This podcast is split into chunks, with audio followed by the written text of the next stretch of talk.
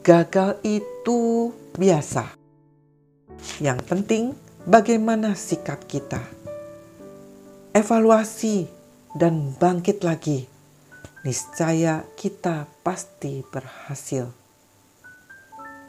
Yohanes 6 ayat 66 Mulai dari waktu itu, banyak murid-muridnya mengundurkan diri dan tidak lagi mengikut dia. Gagal itu adalah biasa. Ditinggalkan orang juga biasa. Jika Yesus saja ditinggalkan murid-muridnya, kenapa kita mesti a priori terhadap hal tersebut?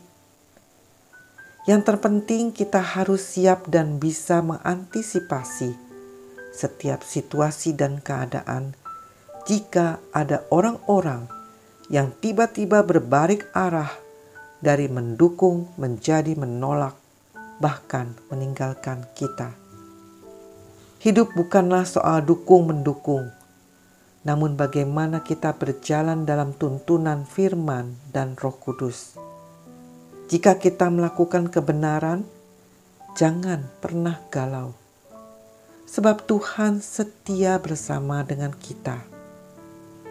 Tuhan melihat karakter, bukan penampilan.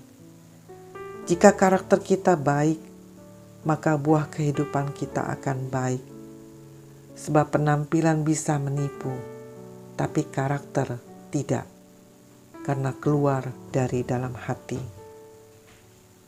Tuhan melihat hati, bukan wajah yang di make up. Hidup bukan apa kata orang, melainkan kata Tuhan. Jika hidup hanya untuk penampilan dengan mengejar popularitas, uang, dan posisi, berhati-hatilah. Sebab Tuhan sangat mengenal kedalaman hati kita Hidup dalam kebenaran belum tentu disukai oleh manusia, tapi pasti disukai Allah. Amin.